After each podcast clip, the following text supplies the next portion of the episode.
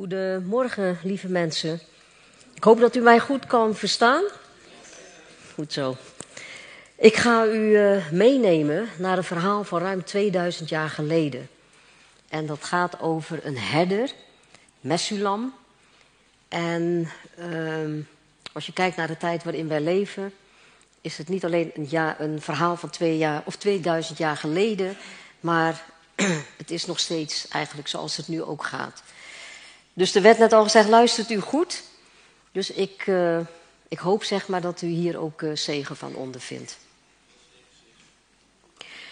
Als de nacht valt over de velden van Efrata, hangt er een vreemde stilte. Het is anders dan anders. Een stilte waarin je kunt nadenken, terug kunt kijken op alle gebeurtenissen in je leven. Wat je hebt gezegd en gedaan, of juist andersom. Wanneer je hebt gezwegen en nagelaten hebt om iets te doen. Een lange rij van mensen die je kende trekt aan je voorbij. Ze staan even bij je stil en ze kijken je aan. Verdrietig of teleurgesteld, wanhopig of beschaamd, verwijtend of meewarig.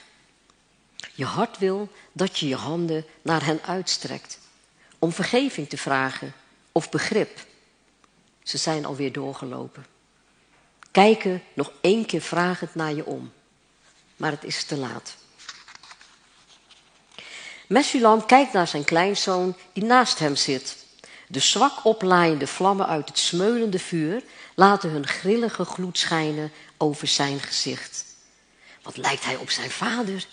Hij vecht tegen de slaap, maar kan toch niet voorkomen dat hij telkens weer even wegzakt. Waarom heeft hij zo weinig kunnen betekenen voor die jongen? Willen betekenen. Waarom heeft hij alles overgelaten aan zijn grootmoeder? Hoe oud is die jongen nu eigenlijk? 16, 17 of iets ouder nog? Zelfs dat weet hij niet precies. Durfde hij nu eindelijk maar eens over de dingen van het leven met hem te praten? Maar het is nog niet te laat. Hij leeft nog, maar heel lang kan dat niet meer zijn. S'morgens bij het opstaan is Messulam al moe. De nieuwe dag straalt hem niet meer uitbundig en uitdagend tegemoet. Zijn krachten nemen met de dag af. Alles is zo nutteloos en overbodig. Hij luistert naar de gesprekken van de mensen om hem heen. Het gaat over dezelfde dingen waar hij vroeger ook geestdriftig over kon praten. Nu verbaast hij zich erover wat voor hen belangrijk is. Het leven duurt maar even en elke dag is net zo als de vorige. Plannen maken voor de toekomst heeft geen zin meer. Wie arm wordt geboren, zal arm leven en sterven. Nu hij ouder wordt, komt het einde steeds dichterbij als een grimmige vijand. Hij voelt zich onrustig en angstig als hij eraan denkt. Vaak kijkt hij dan naar zijn vrouw, een woordeloze roep om hulp. Hij ziet de vredige rust die van haar gezicht afstraalt. Ze weet dat ze geborgen is in God en ze vertrouwt op Hem met haar hele hart. Hij voelt dat niet zo. Als God er is en alles in deze wereld in zijn handen houdt, waarom gaat dan alles zoals het gaat? Hij zou het vertrouwen van haar ook wel willen hebben. En ook voor zijn kleinzoon. Maar erom bidden? Nee, dat doet hij niet. Hij twijfelt of God wel naar hem luistert. Hij ziet het hoofd van de jongen steeds vaker naar beneden zakken. Jotam, zegt hij, je kunt wel gaan slapen. Nergens dreigt er gevaar. Er zijn geen roofdieren in de buurt. Kijk maar naar de kudde. Die is rustig en ontspannen. Als er wat is, maak ik je wel wakker. De jongen gaat staan en rekt zijn sterke, lenige lijf uit. Hij legt zijn armen om zijn nek. Heb je het weer zo laat gemaakt? vraagt Messulam. Je moet slapen als er daar tijd voor is. En dat kan, mijn jongen. Je kunt niet alles aan, zelfs niet als je jong bent. Luister niet naar wat je vrienden zeggen. Laat ze toch schieten. Graag had hij er ook nog vriendinnen aan toegevoegd. Maar dat durfde hij niet. Is hij bang om geconfronteerd te worden met zijn eigen verleden? Hij verbaast zich over zichzelf, over zijn bezorgde woorden. Hoe kan het? Dit heeft hij nog nooit gedaan. De jongen lacht kort en schamper. Hij schopt wat half verbrand hout dichter naar het vuur en doet een paar stappen naar achter, zodat hij buiten de lichtkring staat. Hij kijkt over zijn schouder en zegt: Als je slaapt, kan je niet genieten van het leven. Ik haal alles wat erin zit, net als mijn vader. Dat hebt u vroeger toch ook wel een beetje gedaan? Hij probeert weer te lachen. Veel is het niet. Als je weinig geld hebt, valt er niet zoveel te beleven. Maar beter iets dan niets. En met mijn vrienden komt het wel in orde. Maakt u zich maar geen zorgen. Ze zijn net zo arm als ik. Als je bijna niets te besteden hebt, duren de feesten niet zo lang als je zou willen. Messulam kijkt naar zijn rechte rug en de brede schouders. Zo moet hij er een halve eeuw geleden ook uitgezien hebben. En de woorden die Jotam naar hem toeslingert, klinken hem bekend in de oren. Alleen heeft hij ze nooit zo durven zeggen. De nieuwe generatie is eerlijker voor zichzelf en tegenover anderen. Je weet hoe het met je vader is gegaan, zegt hij, als de jongen zich omkeert en weer naast hem komt zitten. Jotam draait zijn hoofd naar hem toe. Mijn vader nam de tijd en maakte echt plezier met het weinige geld dat hij had. Hij durfde tenminste te lachen om de minachting van de rijken. Voor niemand ging hij opzij. Ik schaam me niet voor hem en om hoe hij heeft geleefd. Ik bewonder hem, mijn held. Hij lacht zachtjes. Er moet toch iemand zijn die hem bewonderd heeft. Messulam kijkt naar hem. Je vader heeft een leven zonder God geleid, Jotam, zegt hij. Het is pijnlijk dat ik zoiets over mijn eigen zoon moet zeggen, maar het is nu eenmaal de waarheid. Hij heeft alles gedaan wat God verboden heeft. Drank en vrouwen waren zijn lust en zijn leven. Je moeder heeft in haar huwelijk veel zorgen gehad. Om hem, maar ook om haar kinderen, voor wie ze vaak geen eten en kleding had. Hij had beter voor haar en jullie moeten zorgen met het kleine beetje geld dat hij verdiende. Dan was de armoede minder erg geweest. Maar ondanks alles hield ze van hem. Ze is van verdriet gestorven toen hij er niet meer was. Hij zwijgt even en zegt dan zacht: Nee, een brave jongen was ik ook niet. Maar zo bond als je vader heb ik het niet gemaakt, geloof ik. Weer hoort hij het korte, schampere lachje van de jongen. Hij komt overeind en gaat dicht bij het vuur staan. God, zegt hij, zonder aan zijn grootvader te kijken, God is er alleen voor de rijken, voor de mensen die in mooie huizen wonen en geld genoeg hebben. Ze kunnen God aanwijzen in hun leven, in alles wat ze hebben. Voor de armen zijn er alleen maar woorden die een mooie toekomst beloven. Later, ooit, je moet er maar in willen geloven. Messulam kijkt hoe hij nieuw hout op het vuur gooit. Als de vlammen hoog oplaaien, houdt hij zijn handen erboven. Zal ik misschien snel gaan sterven? denkt hij. Kan dat een verklaring zijn voor dit gesprek? Nu zou hij eigenlijk verder moeten praten. Hij moet het met zijn kleinzoon hebben over de spottende woorden van zojuist. Hem proberen te beschermen tegen deze uitgesproken gedachten. Hij schrikt als hij de stem van Jotam weer hoort. Mijn moeder had beter mee kunnen doen met mijn vader, in plaats van altijd met God aan te komen. Mijn vader had niets aan God, van wie hij nooit iets hoorde of zag. Daar was hij te arm voor. Meshulam gaat naast zijn kleinzoon staan aan het vuur. Dat was niet de schuld van God, dat hij niets van hem hoorde of zag. Wie God wil zien, moet wel geloven dat hij bestaat en rekening houden met zijn geboden. Het was ook niet de schuld van je moeder. Ze wilde hem graag op de goede weg terugbrengen. Nee, Jotam, het was zijn eigen schuld. De jongen draait zijn rug naar hem toe. Als u het zo erg vindt dat hij niet om God en zijn geboden gaf, waarom heeft u dat dan nooit tegen hem gezegd? Waarom liet u dat altijd over aan mijn moeder? Wat heeft het voor zin om dit allemaal tegen mij te zeggen? Het is te laat. Messulam buigt zijn hoofd. Hij kijkt naar de dansende vlammen en luistert naar het zachte knetteren van het vuur. De harde woorden komen als een mokerslag aan. Het komt als een oordeel van God. De drift om deze brutale snotneus de les te lezen komt niet in hem op, zoals vroeger vaak gebeurde. Dank je wel, Jotam, zegt hij. Wat je zegt is waar. Hoe je vader leefde was ook mijn schuld. Dat drukt zo zwaar op mijn geweten dat het misschien beter is als ik spoedig sterf. Ik heb je vader nooit terecht gewezen, omdat ik bang was om in mijn eigen spiegel te kijken. Maar ik heb het er niet veel beter van afgebracht. Ik hoop dat jij je omdraait op de weg die je bent ingeslagen en het wel goed zult doen, andere keuzes zult maken. Hij gaat rechtop staan. Zijn kleinzoon staat nog steeds met zijn rug naar hem toe. Ik ben bang voor de dood, Jotam. En tegelijk verlang ik ernaar. Dan is hier alles maar voorbij. Ik ben bang voor het oordeel van God, want ik heb zoveel verkeerd gedaan. Ik zal daar zelf verantwoording voor moeten afleggen aan Hem. Zonder Zijn vergeving komt het niet goed. Vergeving voor alles wat ik heb gedaan. Tegen God, je vader, jou, je moeder, je grootmoeder en mezelf. Maar ook tegen hen die er niet meer zijn. Terwijl hij nog praat, schreeuwt iemand iets. Jotam herkent de stem van Hassan, zijn beste vriend.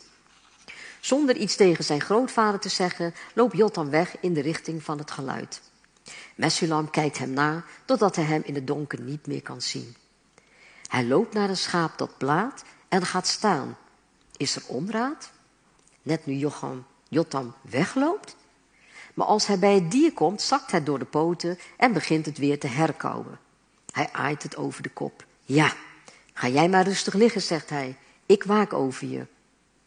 Voordat hij weer gaat zitten, warmt ook hij zijn handen boven het vuur. De nacht is koud en stil, vreemd stil. Hij had nog veel meer willen zeggen. Over het allerbelangrijkste heeft hij het nog niet gehad. Misschien kan het nog. De nacht is lang. Jotam zal zo wel terugkomen. Hij hoort hier. Er kan zomaar ineens gevaar dreigen en alleen kan hij nauwelijks iets beginnen.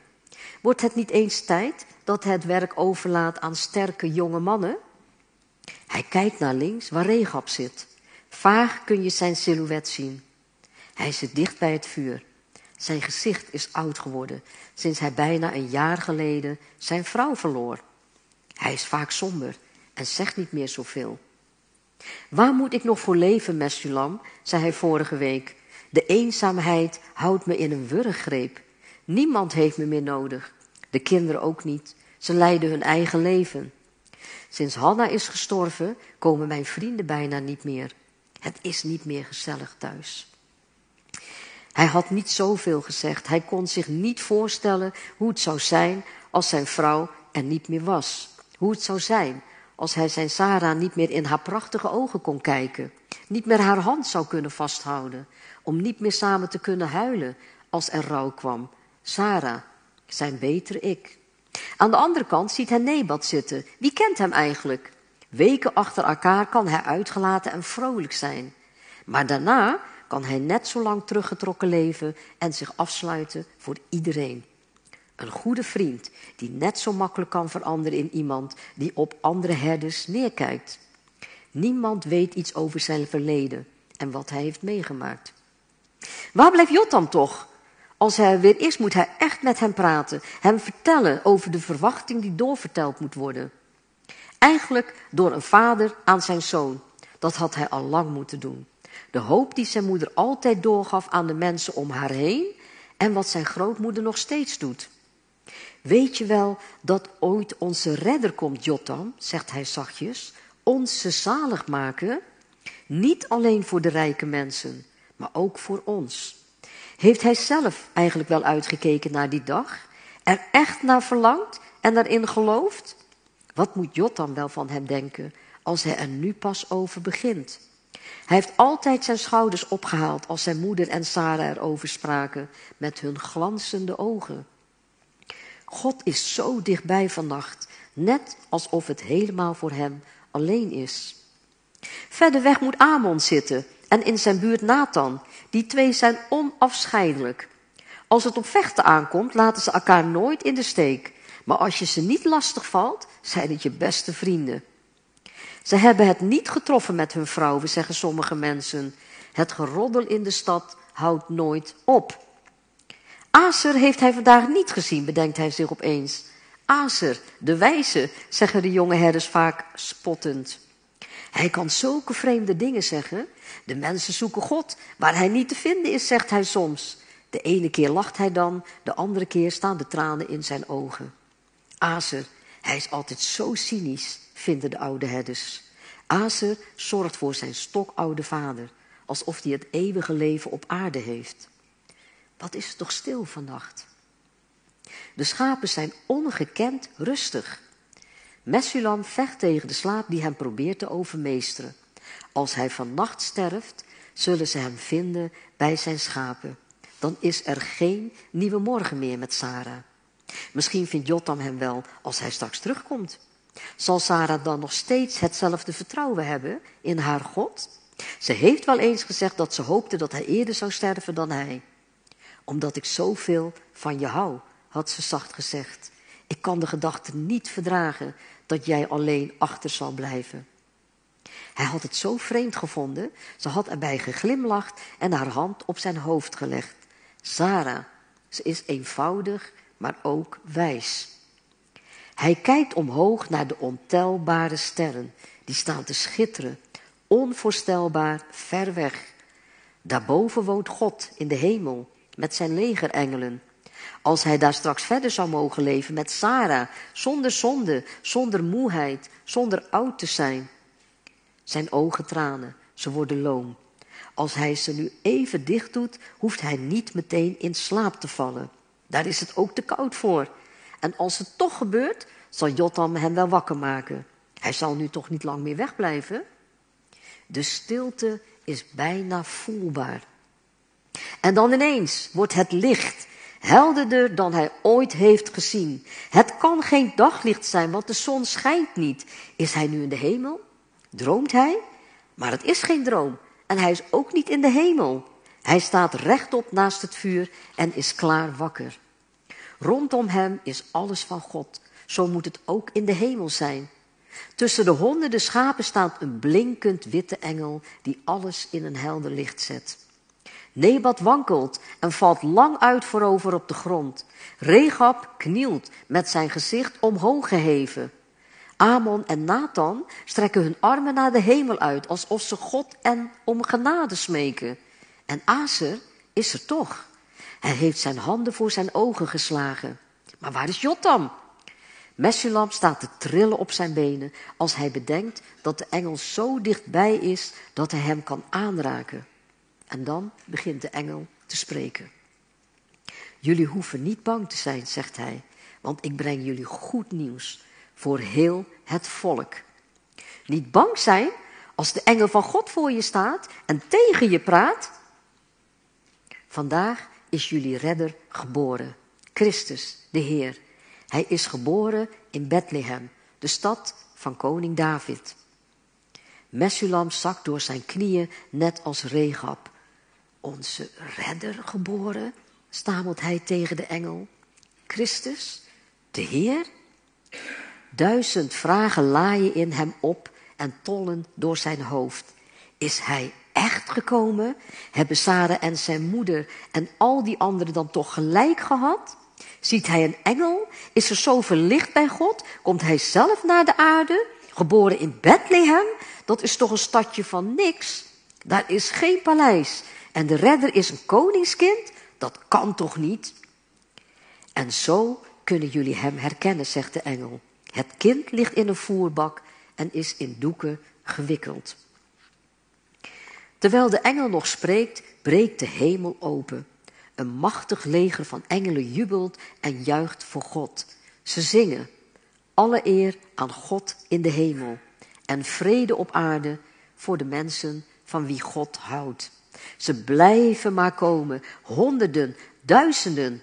Hun lofklied klinkt steeds luider. Het moet overal te horen zijn. Messulam vindt geen woorden meer, zelfs zijn gedachten zwijgen. Hij is weer gaan staan en kan alleen maar in sprakeloze aanbidding kijken naar dit prachtige engelenkoor.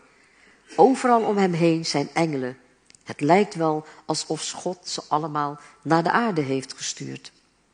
Even plotseling als ze gekomen zijn, zijn ze ook weer weg. Als de ogen van Messulam weer gewend zijn aan het donker, ziet hij de andere herders bij het vuur. Ze lopen naar hem toe. Ook nog anderen die verder weg zaten. Mesulam, wat was dat? vraagt Azer. Heb jij het ook gezien? Is dit echt gebeurd? Mesulam knikt. Heb je ook gehoord wat de engel zei? vraagt hij. Ze hebben het allemaal gehoord. Hij stond zo dicht bij me, zegt Mesulam. Het leek alsof hij het alleen tegen mij had. Dat, dat, dat leek bij mij ook zo, stamelt Nathan. Steeds meer herders komen om hem heen staan. Ze hebben allemaal hetzelfde gezien en gehoord.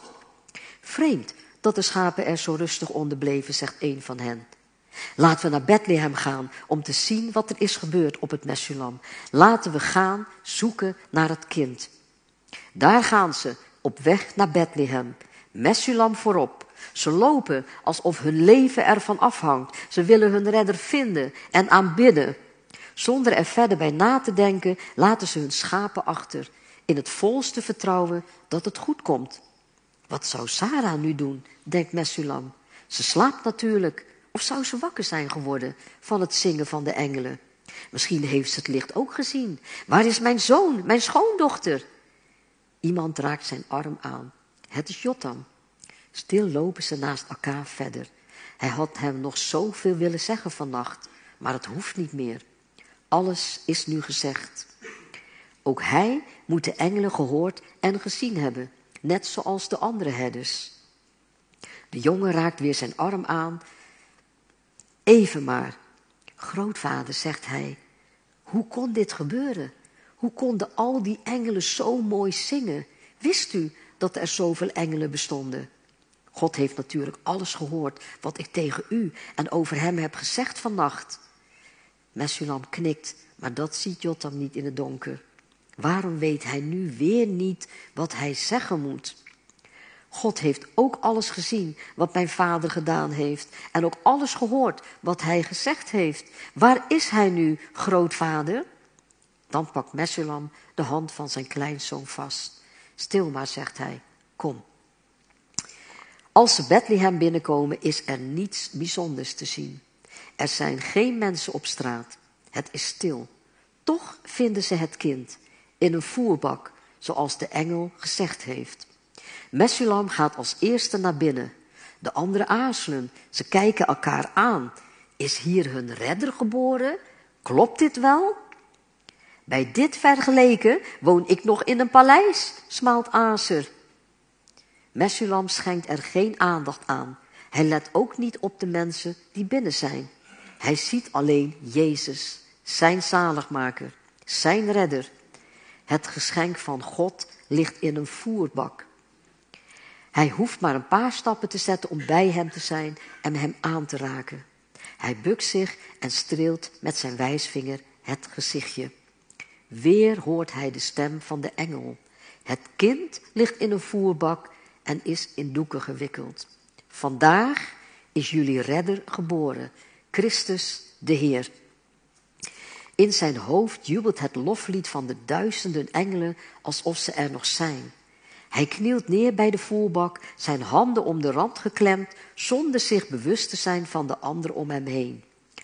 Alle eer aan God, zongen de engelen. Vrede op aarde voor de mensen van wie God houdt.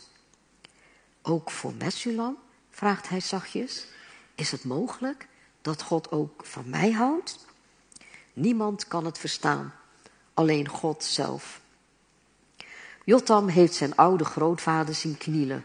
Makkelijk ging het niet. Zijn knieën worden steeds strammer.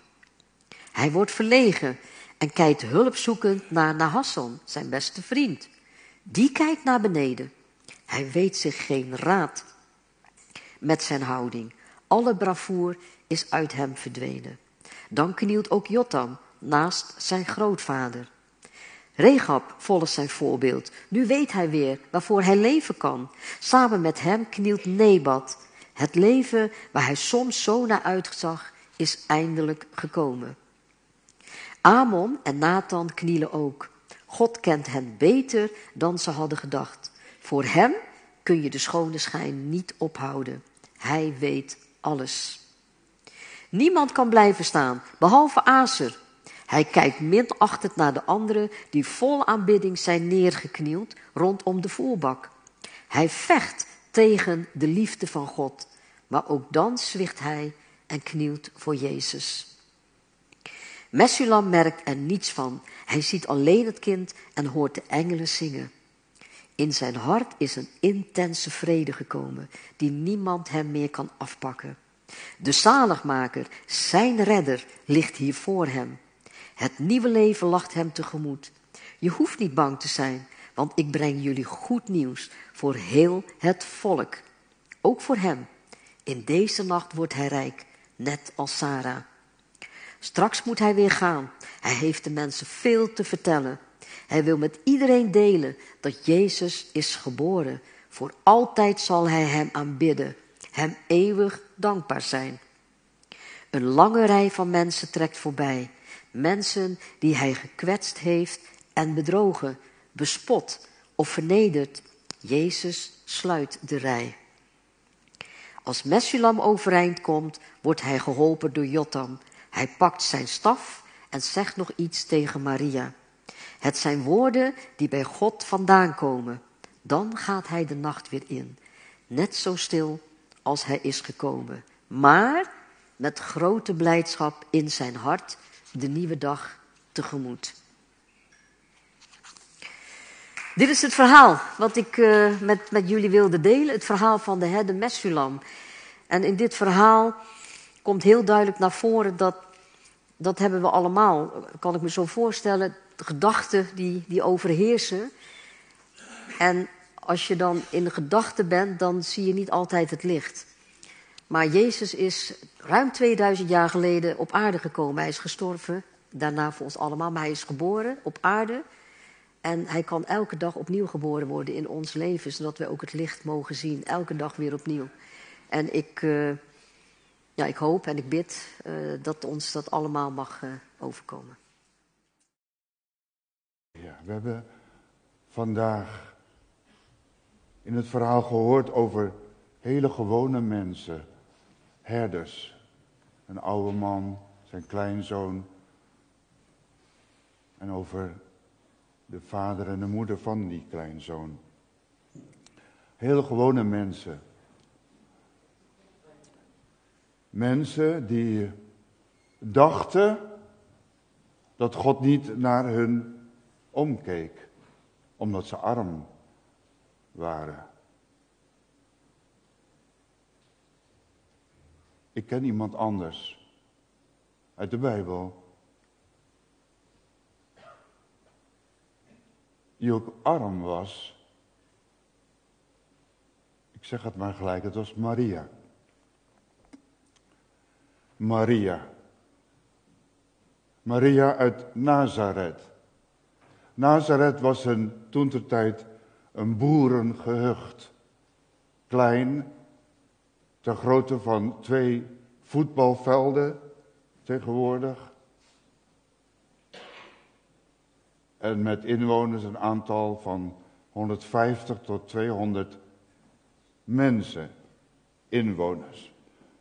Klein, onbetekenend was Nazareth een boerendorp. Een Bijbelse uitspraak is, kan er iets goeds komen uit Nazareth? Niet dat God dat zei in de Bijbel, maar iemand die hoorde dat Jezus was aangekondigd in Nazareth aan een vrouw. Nazareth. Wonen geen rijke mensen, geen mooie villa's, geen mooie huizen, geen mooie auto's, als ze die toen hadden. Maar God had een jonge vrouw met de naam Maria uit dat onbetekenende dorp uitgekozen om zijn zoon, die heilig was en nog steeds is, om te dragen in haar binnenste en die ter wereld te brengen op deze aarde. De verlosser en zaligmaker voor de hele wereld. Ook voor jou die hier vandaag zit. Ook voor u die hier zit. En u denkt, nou ik laat alles maar aan me voorbij gaan. Gezellig hier. En dan heb ik ook iets van kerstfeest gevierd. Daar gaat het niet om. Het gaat om Jezus. Kerstfeest gaat om Jezus.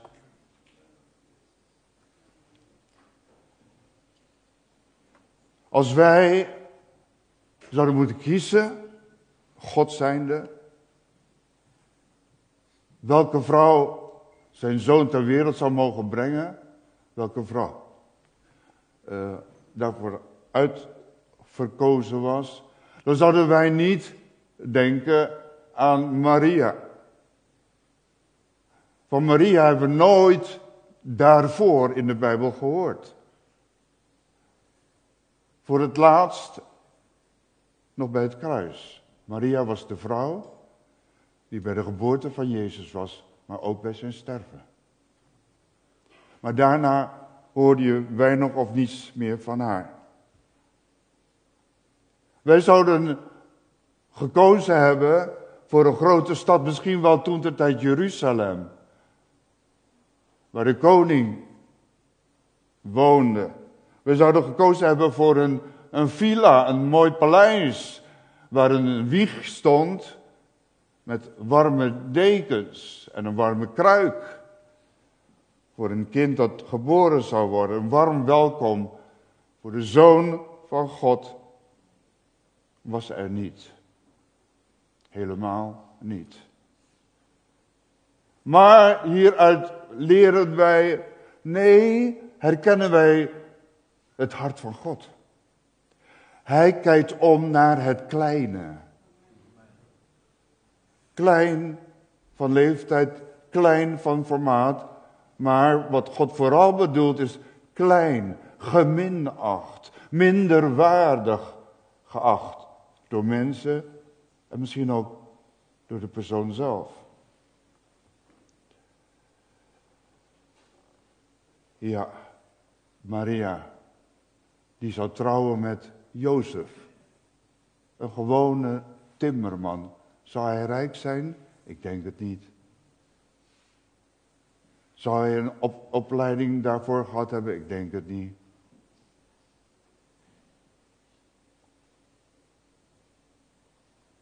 Een veelbelovende toekomst voor Jozef en Maria? Ik denk het niet. Donker. En in deze wereld, op deze aarde, in deze tijd, hoor je ook dat er zoveel mensen, als het ware, leven in een donkere nacht. Geen toekomst. Jonge mensen, mag ik dat zo zeggen, plegen zelfmoord omdat zij geen toekomst zien. Gestudeerde jonge mensen, hè? Is het geen donkere nacht waarin wij leven? De geschiedenis herhaalt zich. Maar de geboorte van Jezus kan zich ook herhalen in uw hart. Als u hem nog niet omsloten heeft in uw hart. Want God kent, kijkt niet naar onze voorgeschiedenis. God kijkt niet naar onze, ons verleden. Helemaal niet. Helemaal niet. Want God geeft genade. Genade is iets wat je niet verdient en ooit kan verdienen. Hij zoekt naar, een, naar het hart om daarin een nieuwe mens te scheppen. Met een nieuw leven. Zijn leven in je menselijk leven. Dat bestaat. Ik mag het ervaren en met mij zoveel andere mensen. Halleluja. Hij zoekt, net zoals toen God de Vader, waar hij zijn kind zijn zoon geboren kan laten worden. Ook nu, ook vandaag, ook hier, op dit uur, in dit uur. Iemand die bereid is, iemand die verlangt. Jezus te omsluiten in zijn leven. En hem daar groot te laten worden, op te laten groeien, door hem te geven voeding. Welke voeding? Liefde aanbidding, dankbaarheid. Maria, uitgekozen door God zelf, is de enige vrouw die ooit een kind in zich droeg waar geen man bij betrokken was. En daar geloven we in als kerk. als gemeente. In deze wereld is het onmogelijk. Maar God zei ook tegen Maria via de engelen, bij God is geen ding onmogelijk. Waarom ook als het gaat om de Zoon van God? Het is heilig. Hij is heilig. Als God, nee, als Jezus geboren was uit een samenkomen van man en vrouw, mensen, twee mensen, dan zou Jezus in zonde geboren zijn. Want iedereen die geboren is, ook u en ik, hoe onschuldig wij zijn als baby, zijn in zonde. Iedereen is geboren in zonde na de zondeval van Adam en Eva. Dat zegt de Bijbel. En daarom hebben we God nodig. Als onze redder, als onze zaligmaker, als onze verlosser. Halleluja. Als Jezus' geboorte geen maagdelijke geboorte was geweest, ik spreek dat duidelijk uit en ik benadruk dat, omdat deze wereld daar steeds minder in gelooft, tot in de kerken, tot, in tot aan de leiders van kerken. Gelooft u dat of niet? Maar wij zullen blijven staan op het woord van God. Als Jezus dus niet uit een maagd was geboren, dan was er geen zonderloze Jezus. En als er geen zonderloze Jezus was geweest, dan was er en is er nog steeds geen verzoening mogelijk tussen God en de mens. En daarvoor juist zond God zijn zoon tot verzoening. Hij wilde u en mij naar zich terugtrekken. Halleluja. Dan was er nooit een eerst kerstfeest geweest. Dan was er ook vandaag en in deze dagen geen kerstfeest in het jaar 2022. Helemaal niet. Kunt u zich dat voorstellen? Helemaal niet. Geen reden ook om kerst te vieren. Maar de oorsprong van het christelijk kerstfeest is heilig. God plaatste Jezus door zijn heilige geest als een nog ongeboren kind in Maria. God deed het zelf door de heilige geest. Geen ding is bij God onmogelijk. Bij de geboorte van Jezus hebben we niet met mensen te maken, maar met God.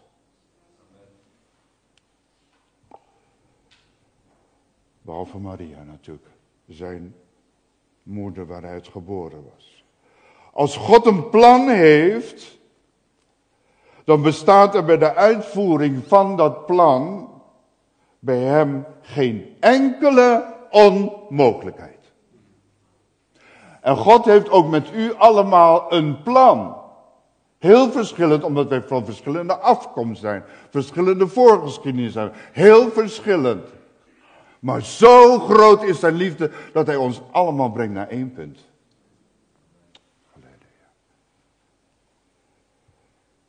God heeft een uniek, uniek plan, omdat u uniek bent. Kan hij niet anders dan een uniek plan hebben. Het plan dat hij heeft met mij ziet er anders uit. De weg naar de vervulling van het plan ziet er anders uit dan dat van u en mij. Want ik heb een ander karakter dan u. Ik heb een andere denkpatroon dan u. Ik heb een andere afkomst dan u. Ik heb andere ouders. Ik heb een andere familie. Maar het eindpunt, daar komen we samen. Bij Jezus. Halleluja. Geen ding is bij God onmogelijk. En dat klinkt ook voor u in uw leven. In dat hele plan van uw leven. Houd het vast.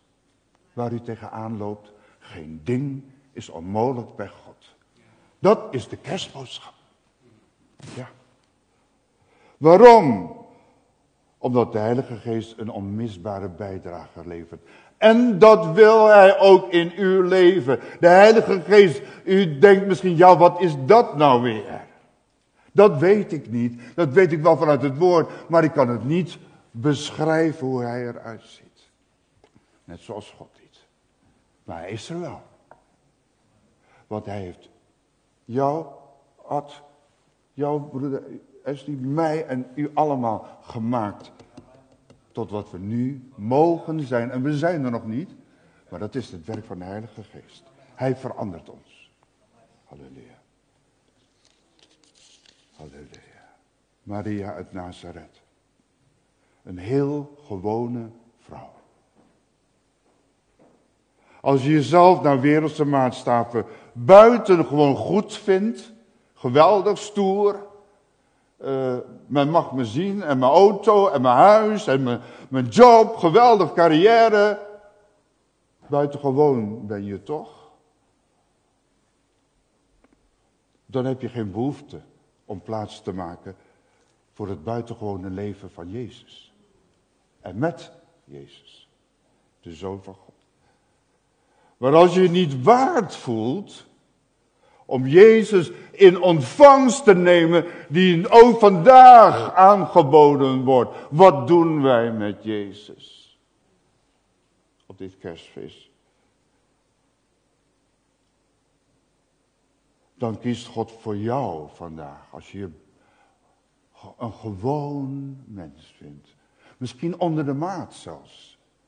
Dan kiest God jou om zijn leven in jou geboren te worden.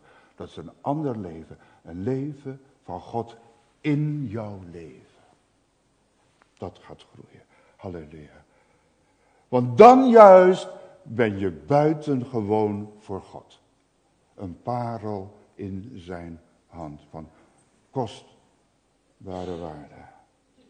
Daarom heeft God je zo lief gehad dat hij zijn enige geboren zoon gegeven heeft. Losgelaten, prijsgegeven. Opdat een ieder die hem aanneemt, dat is geloven. Geloven is niet naar de kerk gaan, geloven is hem aannemen. En een deel van je leven, dat is geloven. Dan heb je een geloof. Halleluja.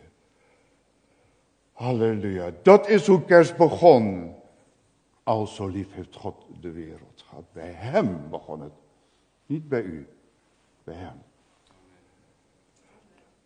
Dat is hoe kerst begonnen en dat is hoe God kerst bedoeld heeft. Voor ieder mens. Ook voor jou. Voor u. Op aarde. Geen ding is onmogelijk bij God. En daarmee bedoelt God vandaag, als hij dit, eh, dit zegt, geen ding is onmogelijk bij God. Dat als u hier zit en denkt, ja, God voor mij, ik leef zo heel anders en ik leef door het, het hele jaar door heel anders. Ik zoek andere dingen en ik zou wel willen wat daar nu gezegd wordt. Maar ach, dat kan toch niet hoe ik leef. Geen ding is bij God onmogelijk als je dat aan God overlaat. En overlaat is, hier ben ik God. Ik weet niet veel van u af, en, maar er is iets in mij dat gaat bewegen. Ik wil, ik wil. Waar helpt u bij? Dan komt God.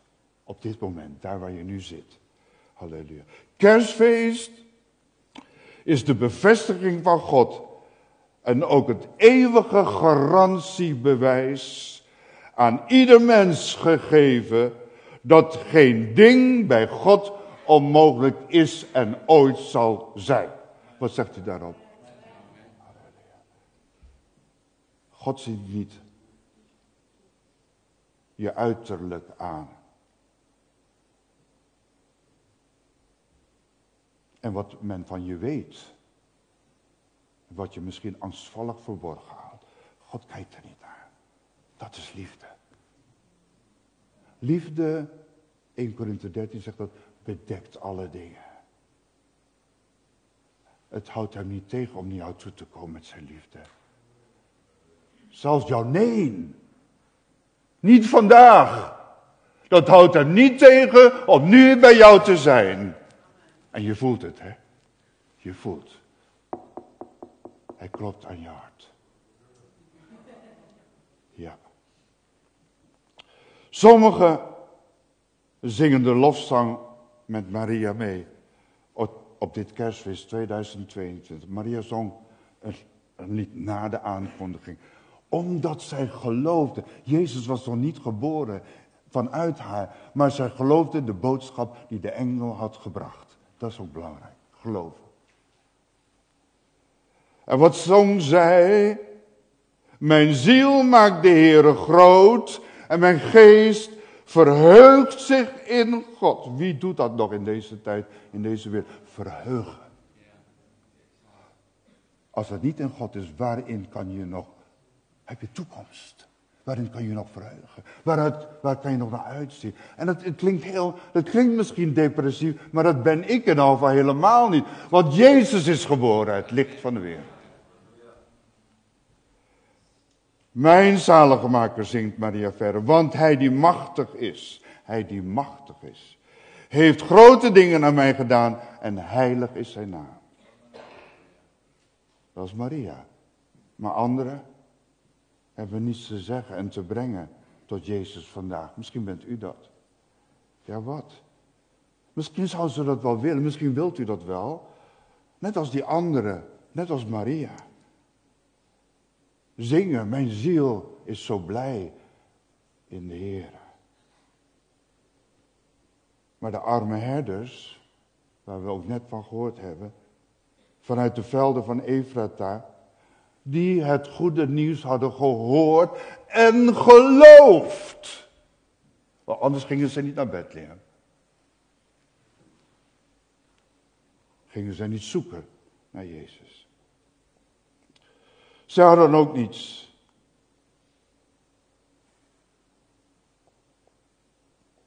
Maar de boodschap, de woorden van God, om maar zo te zeggen, de preek via de engel, die dreven een bepaalde richting uit. Waarheen?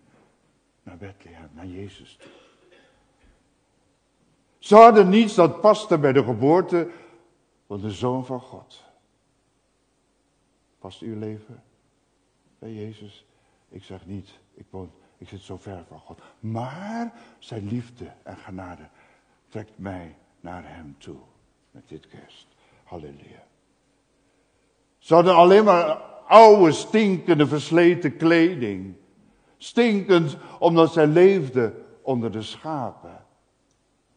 Maar dat weerhield hun niet om te komen tot Jezus. Kleding wijst op handel en wandel, je levenswandel. De buitenkant van je leven.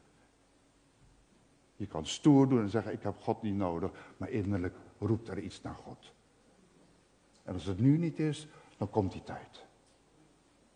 Omdat er een plekje geschapen is in elke mens voor God. En die blijft roepen, dat plekje vanuit. Altijd. Totdat je zegt, hier ben ik hier. Is dat vandaag misschien? Kerst 2022? Ik hoop het van harte. Maar in die herders, er was iets nieuws geboren in hun leven. Een nieuw uitzicht, een nieuw vergezicht zelfs. Zij wilden hem zien wie hij was. Jezus, het ware licht.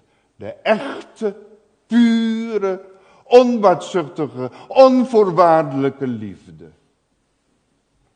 Het nieuwe leven in een alledaagse leven. En daarom lieten ze alles, hun werk als herder, lieten ze achter. Jezus was belangrijk voor hen, om hem te zien.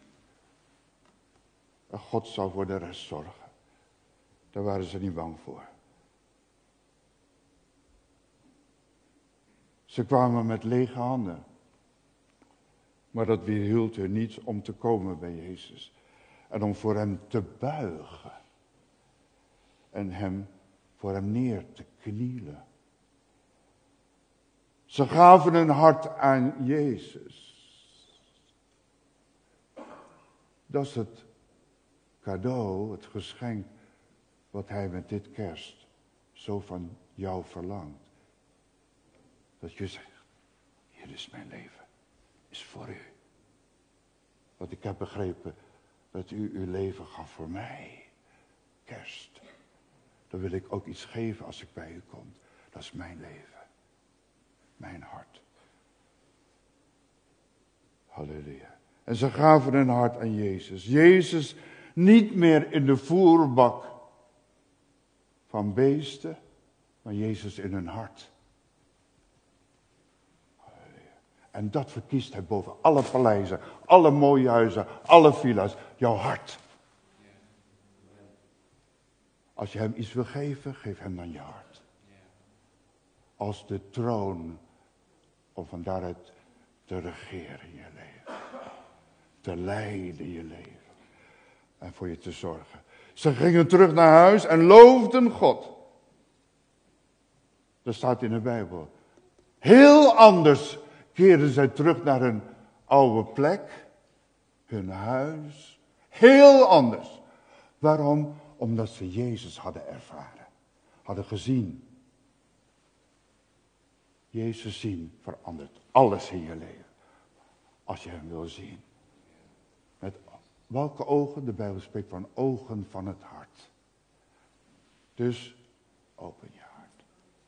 En misschien wel op de terugweg naar hun huis. Zongen ze dat lied.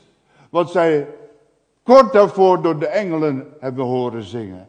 Ere zijn God. Halleluja. In de hoogste hemelen. En vrede op aarde.